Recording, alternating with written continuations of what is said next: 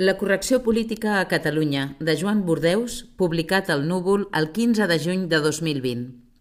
La idea d'Europa no té rival. Llàstima que l'única idea que paga el preu de fer-se realitat és la dels Estats Units. En l'autoritarisme asiàtic no hi ha idea, només poder descarnat. A Europa hi ha idea, però manca el poder, és a dir, el tap de la dutxa està obert i els discursos escolant-se en el buit de la superioritat moral. Vivim de la despesa militar americana, de l'energia russa, de les fàbriques xineses i quan amb els refugiats tenim una oportunitat inexcusable per assumir el nostre discurs, la meitat els deixem morir al mar i paguem a Turquia perquè contingui la resta.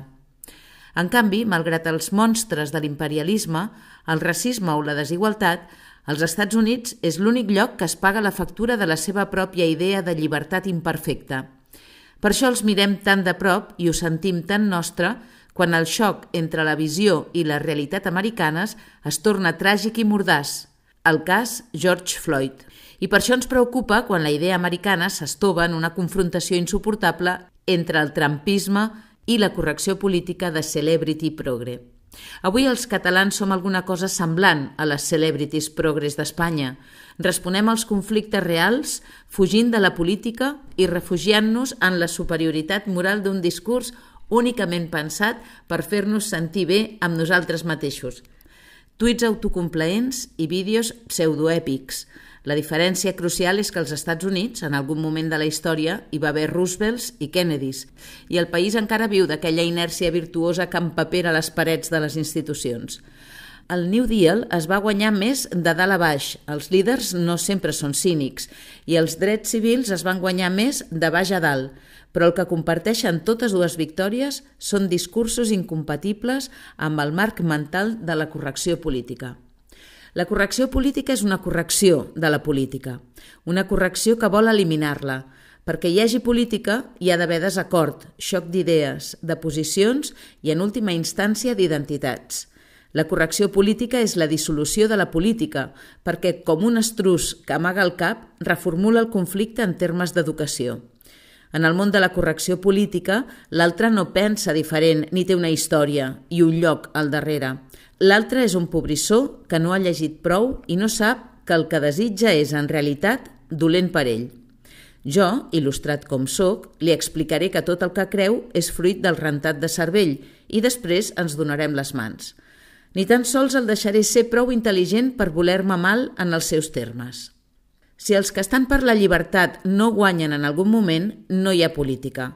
A la Xina la llibertat no ha guanyat mai – als Estats Units va guanyar i ara crema. A Catalunya fa molts segles que no para de perdre. Les democràcies sanes són aquelles en què hi ha una victòria de la llibertat a la base, des de la qual les diferents concepcions del bé i la vida bona, que sempre sortiran en una societat humana, competeixen entre elles respectant els mínims conquerits. La democràcia va de reconquerir els mínims una vegada i una altra. Creure que l'altre és un pobre idiota equivocat, a qui només li falten dos sermons per convertir-se dona forces per lluitar? Avui dia tenim la sort que per guanyar no hem de fer una guerra clàssica. Potser hem de fer un Hong Kong a la nostra manera i més ens val prendre nota, perquè a Hong Kong van perdent. Potser n'hi ha prou amb una lluita dialèctica, tot i que els que defensen això m'hauran d'explicar l'1 d'octubre. Sigui com sigui, si hem de guanyar, ha de ser des del punt mitjà entre el trampisme, aquí marginal, i la correcció política de Celebrity Progre, aquí hegemònica. Parlant del xoc entre Catalunya i Espanya en termes objectius i materials, sense essencialitzar les diferències com una qüestió biològica metafísica i alhora sense reduir-les a bons il·lustrats contra dolents idiotes. La correcció política és la idea que si no diem les coses pel seu nom, la tensió es resoldrà sola a favor del que jo penso. La política és la idea que el poder per canviar les coses comença per dir-les pel seu nom.